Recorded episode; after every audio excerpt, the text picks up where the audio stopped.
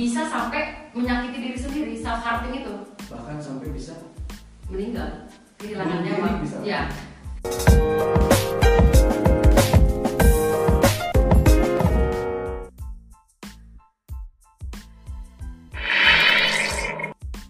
Assalamualaikum warahmatullahi wabarakatuh. Ketemu lagi bareng gua di Germa Perempuan Berbicara seputar perempuan.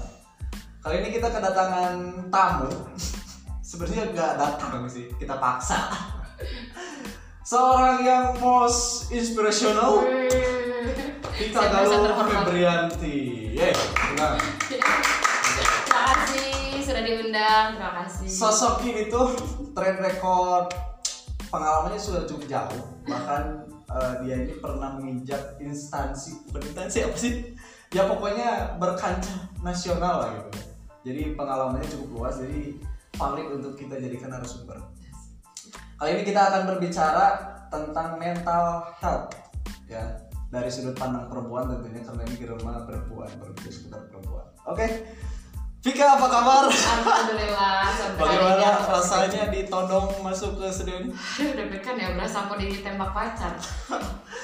Ah Eh, lama kalau- deh. Kalau misalkan berbicara topik nih mental health kayaknya nih dari pandangan Akang tuh cukup bisa relevan gitu mengutarakan Kenapa ke teman-teman semua. Karena kan istilahnya kamu tuh pernah me- mengalami situasi yang luas gitu ya. Hmm, pernah berada di organisasi lokal internal bahkan nasional gitu. Jadi mental health kan kadang butuh ketika kita sedang ah aku mau melangkah lebih jauh aku mau tantangan lebih besar. Gitu. apa sih mental health? Sebenarnya kalau bicara soal mental health ya kang di aku pribadi em, itu cakupannya memang cukup luas, Luas. gitu kadang ada mental health itu ada mental illness ada yang eh, mental health yang memang berarah ke positivity Ah. gitu kan jadi kalau bicara soal mental health aku pribadi eh, ya salah satu orang yang memang saat ini masih Mental- aktif oke masih aktif sebagai mental health aktivis dan memang sempat mengalami mental illness gitu jadi Oke. uh, cukup akrab, cukup terpapar dengan uh, konsep-konsep Istilah-istilah psikologi. gitu ya. ya, gitu. Ya, maksudnya istilahnya nggak yang terlalu mendalam juga tapi nggak istilahnya terlalu baku juga ya, sih. yang nggak terlalu akademis psikolog Hmm. banget enggak. soalnya gini kebanyakan kan kalau perempuan gitu ya Hmm. bukan berarti kita menyampingkan perempuan gitu ya, perempuan tuh kan perempuan perempuan perempuan tuh kan rapuh gitu ya betul Jadi betul. kadang istilahnya situasi yang cowok-cowok bisa hadapin dengan cuek gitu. Perempuan Ya. tuh biasanya jatuh atau terlalu dalam gitu masuk. Betul betul. Nah, setuju. Makanya kita pilih topik ini tuh biar teman-teman khususnya perempuan di sana tuh bisa apa ya? Bisa lebih men- menemukan jawaban gitu atau Ya. salah satu referensi lah ya dari dari sudut pandang perempuan gitu. Kalau misalkan tadi mental illness nih, Hmm. biasanya yang terjadi di perempuan itu atau secara sudut pandang kamu deh, apa biasanya? Hmm, Hal receh dari mulai hal receh deh. Ya? Sebelumnya aku menyapa dulu, halo uh, insan perempuan di mana pun teman-teman berada yang sedang menonton.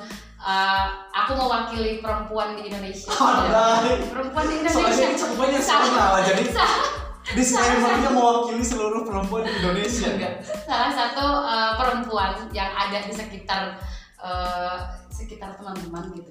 Jadi kalau bicara soal mental illness dari hal kecil dari hal receh sebenarnya itu bisa jadi mental illness kan. Hmm. Kalau dari Vika pribadi uh, karena aku jadi salah satu uh, mahasiswa kesehatan, aku juga menjadi salah satu pengurus organisasi tingkat nasional.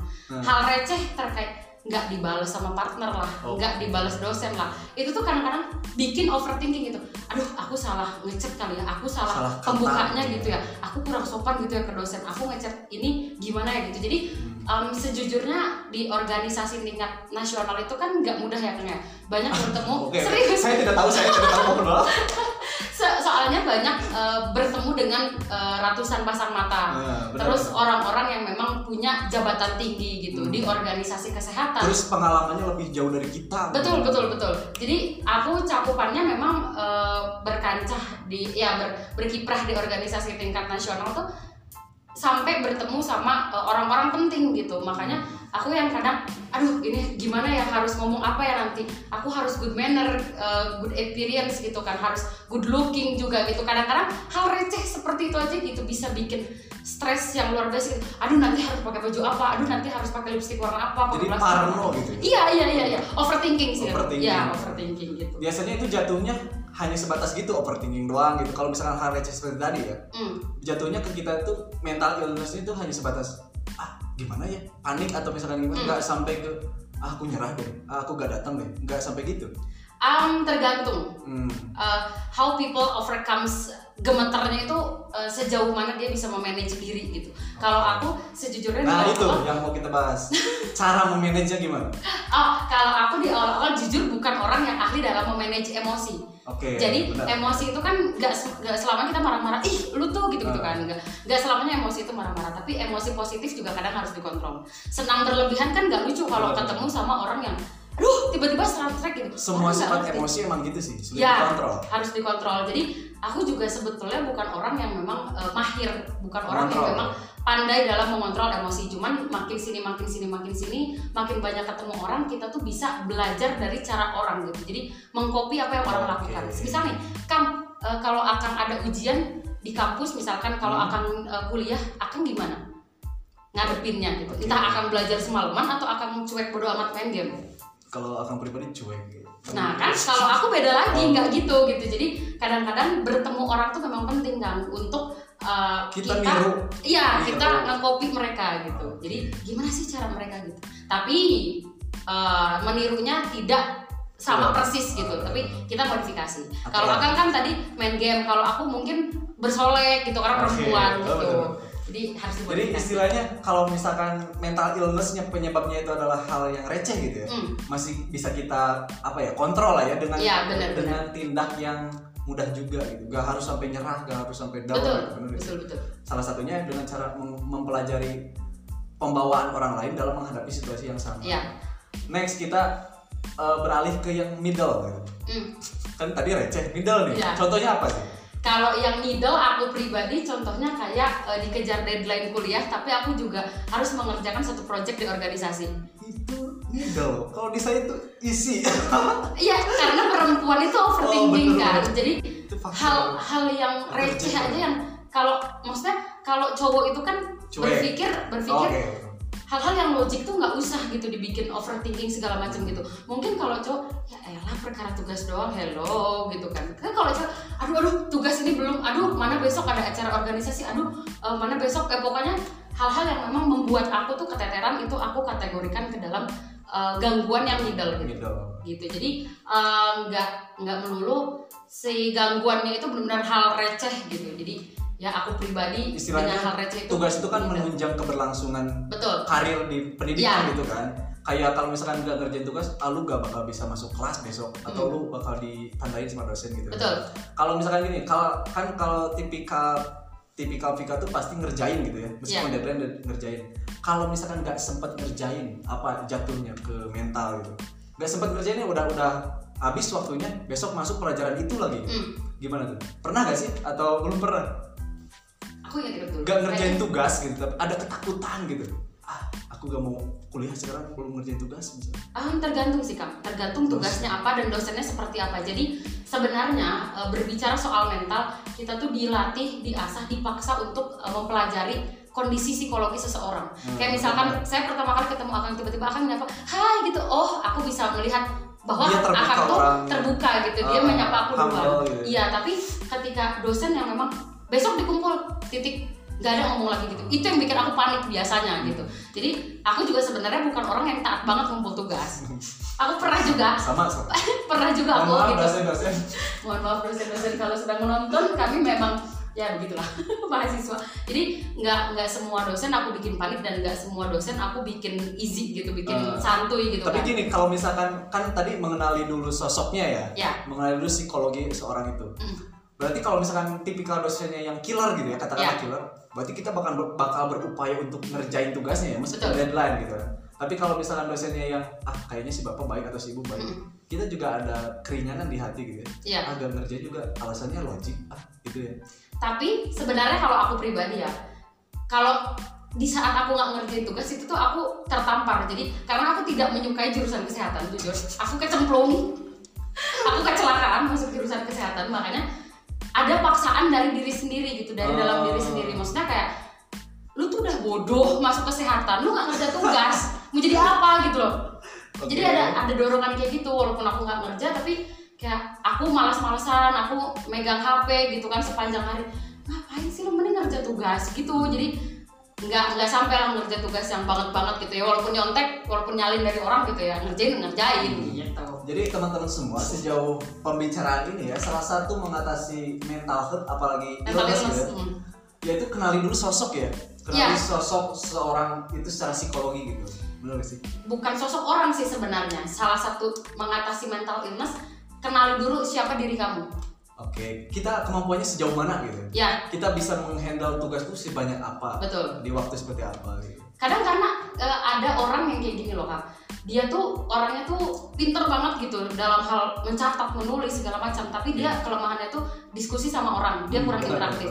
tapi aku tipikal orang yang memang aku nggak bisa nyatat loh. Aku di kelas nggak bisa fokus anaknya tuh kinestetik banget gitu. Jadi Eh, apa aja segala macam gitu di- dipegang gitu. Orang kanan kiri digangguin gitu tapi nggak sampai ngobrol gitu. Eh, cuman ya megang bolpen atau megang apa gitu. Aku anaknya lebih seneng yang diskusi. Kalau kelas udah ngebosenin aku udah nggak merhatiin tuh dosen. Ya udah nanti aku belajar aja di luar gitu. Sama teman-teman diskusi. Iya belajar gitu. aja di luar diskusi. Walaupun aku di kelas memang nggak merhatiin tapi aku masih ada eh, kemauan untuk memenuhi kebutuhan aku sebagai mahasiswa kesehatan untuk eh, mengerti materinya gitu jadi ya kenali aja diri kamu gitu nggak mungkin kan maksudnya aku memaksakan juga ngajak diskusi orang yang nggak suka diskusi gitu jadi ya salah satu cara mengatasinya ya kenali dulu diri kamu Kenali dulu dirimu. Batasanmu itu sampai mana? Iya. Limitmu itu sampai Benar, mana? benar. Setiap orang punya limit masing-masing kan. ya Itu middle tadi ya. Hmm. Kalau yang hard gimana tuh?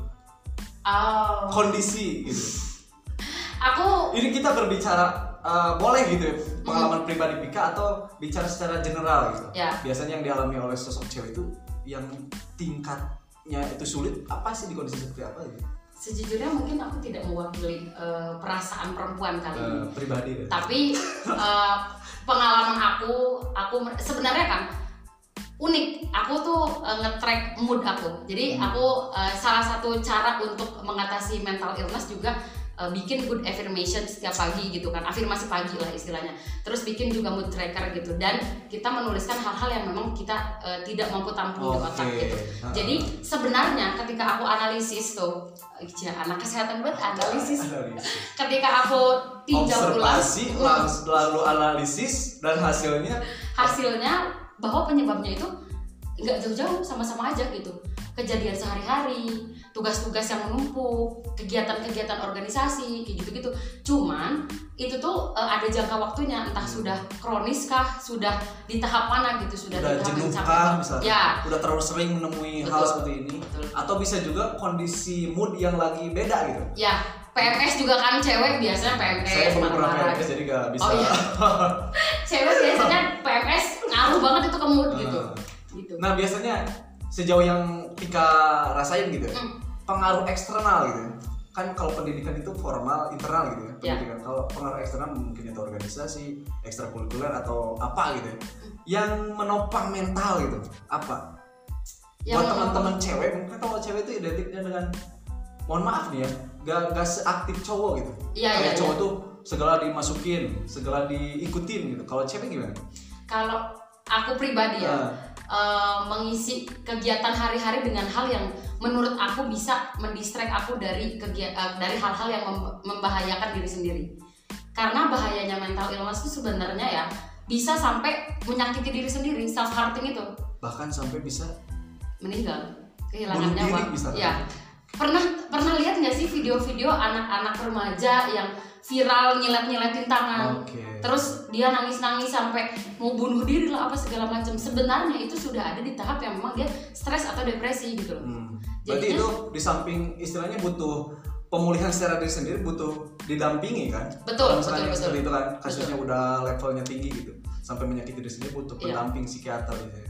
Iya butuh butuh banget ya. Hmm. Tapi di tahap pertama biasanya konsultasi ke psikolog dulu sih. Oke. Tapi kalau misalkan benar-benar parah, pengen bunuh diri, udah merasa diri ini tidak berharga, tidak berguna, Hmm. barulah kita ke psikiater gitu. Jadi mungkin saran selanjutnya adalah carilah lingkungan yang bisa Betul. bener gak sih? Cari lingkungan yang bisa istilahnya membawa kamu keluar dari kondisi seperti itu. Iya. Baik itu teman atau lebih jauhnya psikolog atau psikiater gitu. Jadi jangan sampai kamu tuh ngehandle semuanya sendiri gitu kan. Betul. Karena kita punya limit masing-masing gitu loh. Tapi eh, limit ini tuh sebenarnya kalau di Push. di di di emosi gitu ya Hmm. kalau di emosi itu jangan sampai dilewatin limit itu Hmm, tuh benar-benar. tapi kalau kita misalkan eh, aku punya prinsip prinsip hidup aku selalu push yourself to break a limit Sampaikan. Apa prinsip sampaikan? push yourself to break a limit. Jadi setiap orang itu punya batas limit masing-masing. Tapi ketika kamu nge-push sampai limit itu kedobrak, Ya. kamu tuh melewati batas terlemah kamu. Semisal aku nih, aku insecure, aku nggak bisa lulus eh, tepat waktu menjadi seorang sarjana gitu kan, menjadi seorang eh, sarjana di jurusan kesehatan gitu. Jadi aku nge-push sedikit lagi, kamu tuh bisa loh gitu, kamu tuh bisa gitu. Tapi itu tidak berlaku di emosi, Oke. di emosi, di di Kalau misalkan mental kita push emosi nih ya, kan kalau misalkan di hard skill ya, katakan Hmm. hard skill itu bisa berhasil. Ya. Kalau misalkan kita nge-push batas limit kita gitu. Tapi kalau di emosi jatuhnya jadi seperti apa? kalau semisal emosi itu terlalu ditekan nantinya dia akan lelah Hmm. ketika kita misalkan udah lelah nih di situasi yang kayak gini aku tuh pengen IPK 4 pengen nilainya A tapi lingkungannya orang-orang malas gitu Oke. jadi kebawa malas dan ya jangan diikutin gitu Terus jangan kalau misalkan kamu juga menghindar dari lingkungan itu misalnya, Hmm, stigma di mereka kan jadi beda gitu kan. ya Abika sekarang ngejauh, Abika sekarang jadi bel gitu kan. Bisa gitu kan. Jadi Bisa. faktor emosi, faktor mental illness-nya nambah nih. benar Jadi berganti nih dan gunjingan temen lah gitu. nah itu dia makanya dibutuhkan satu eh, seorang partner yang kedua Satu seorang partner.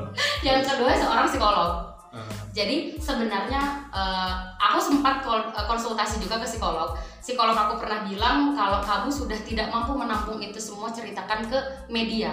Entah itu bisa buat video kayak gini atau kita nulis. bisa nulis di kertas. Jadi sesuatu hal yang sudah tidak bisa otakmu tampung keluarkan. Oke. Entah itu punya ember, punya gayung, keluarinnya di situ gitu. Jadi istilahnya apa ya curhat itu diperbolehkan bukan Betul. diperbolehkan iya diperbolehkan Diharuskan, dalam, diharuskan Mm. dalam takaran yang pas Betul. bener gak sih Asal jangan sampai curhatin tetangga. Jangan sampai ngumbar aib juga Betul. kalau misalkan emang emosi kita kata kamu tadi gak, udah gak kuat nih gak harus kita tekan gitu ya Mm. gak harus kita paksa Kadang mengeluh itu boleh. mengeluh itu boleh kan Mengeluh itu diperbolehkan. untuk untuk mencapai mental kita yang kembali sehat bener gak sih Iya, iya.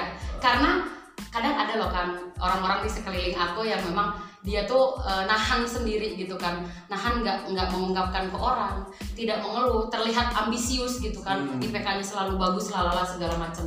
Tapi padahal itu tuh mengganggu gitu. Dia kalau sendiri nangis, uring-uringan, marah-marah gitu. Itu kan maksudnya nggak baik juga ya gitu. Lebih baik yang kayak, ih aku capek nih, boleh ya aku banyak tugas nih gitu boleh mengeluh asal jangan eh, a- asal tahu batasan lah Hmm. tahu waktu jangan terlalu nyelam juga sih iya jangan terlalu aduh mengeluh gitu karena nggak guna Jadi- juga tugas jangan- dikeluhin kalau akang pribadi ini paling sebel kalau misalkan dinilai ih kasihan ya gitu. Nah paling sebel kalau misalkan Ya. orang-orang bilang kasihan deh lu. kadang ada orang kayak gitu juga Ya. maksudnya akan salah satu perspektif yang orangnya tuh idealis dan pengen terlihat sempurna. Wow. iya maksudnya orang tuh jangan sampai lo lihat gue ngerasa kasihan. Eh, orang tuh jangan sampai lo lihat gue ngerasa lemah gitu. Eh, gue kuat gue bisa. Padahal kalau lama-lama terpapar dari eh, faktor eksternal gitu kan batin terluka tapi nggak dikatakan gitu. Karena jujur aku pernah baca suatu buku akang. Bukan. oh ya aku juga pernah mengeluarkan buku. Jadi aku pernah baca suatu buku eh, itu terbitannya pijak psikologi bahwa eh, setiap luka itu memang harus disembuhkan mungkin kalau kita jatuh dari motor lukanya tuh kelihatan kan Hmm. basah berdarah kan Iya bener. Nah, di, Membekas. di dalam hati juga itu sebenarnya ada luka, ada luka batin yang harus kita sentuh. Jadi luka batin itu bukan di didistraksi, tapi disembuhkan. Kayak misalkan anak kecil, ih jangan nangis, jangan nangis nanti jajan permen ya, nanti Nah, beli itu beli es krim ya gitu. Itu tuh bukan cara menyembuhkan, Oh. tapi itu mengalihkan. Jadi misalkan Kang Egi baru putus cinta, ih nggak apa-apa nggak apa-apa nanti cari cewek lagi aja yang lain gitu. Itu pengalihan. Enggak gitu, itu pengalihan namanya. Tapi memang harus benar-benar diselesaikan. Kang Egi putus kenapa? Oke, Kang Egi jadi- sama ceweknya harus baik-baik aja. Eh, gitu. Jadi istilahnya kita harus nyinggung masalahnya, bukan Betul. malah membelokkan masalah benar. Betul, harus menyentuh titik yang menjadi permasalahan. Jadi teman-teman semua pengaruh itu diperbolehkan. Selagi itu bisa membuat mental kamu kembali sehat. Betul, betul, betul. Nah terakhir nih buat teman-teman semua di sana yang khususnya cewek gitu, kalau Hmm. misalkan mereka lagi dalam fase yang uh, mental illness gitu ya, apa saran Vika? Berdamailah dengan luka. luka berdamainya dengan terutama luka Batin. gitu ya. Iya. Jadi jangan sampai istilahnya ketika kalian sedang mengalami luka atau mental illness justru menghindar menghindari lingkungan. Pernah nggak dengar nggak sih Kam orang yang bilang ah ini mah cuma urusan waktu, ini mah cuma soal waktu. Bener, pernah. Nanti juga akan sembuh dengan sendirinya. But in the fake itu nggak nggak sama sekali. Time heals nothing. Waktu itu tidak merubah apa pun. Waktu itu tidak merubah apa pun. Kita Jadi harus kamu yang merubah gitu. Jadi beneran Jadi kayak kamunya jangan ke sini ke sana, kamu. kamu yang merubah gitu. Oke, jadi jangan jangan tips yang selanjutnya Ah. jangan terlalu mengandalkan waktu karena waktu itu tidak mampu merubah kamu. Iya. Justru dari kamu Justru yang kamu yang mampu mengubahnya itu gitu. Kalau misalkan masalahnya sama pacar, ya selesaikan dengan Selesaikan baik gitu. dengan- Kalau masalahnya dengan dosen, IPK jatuh, nilainya C, selesaikan dengan baik. kalau masalahnya internal keluarga juga obrolin. Dikomunikasikan dengan baik. Jangan sampai istilahnya orang lain yang justru mengetahui atau mendengar pertama kali keluhan kita. Betul. Sampaikanlah ke orang yang terkait. Ya, Ya. dan jangan membuat masalah itu menjadi banyak pemerannya. Benar, itu. Jadi, Jadi selektiflah dalam memilih teman curhat atau teman eh, sharing gitu. ya. Nantinya jadi rumit. Ini kayaknya gak akan cukup tiga episode. Ini butuh riset yang mendalam secara data gitu. Betul, Jadi, betul, betul. itulah beberapa penggalan kisah atau saran dari saudari Pika tentang teman-teman semua terutama cewek yang sedang dalam fase mental illness eh, terutama mental illness gitu. ya. Jangan lupa komen, like, and share video ini jika ada manfaatnya. See you di next episode. Terima kasih orang baik. Bye bye.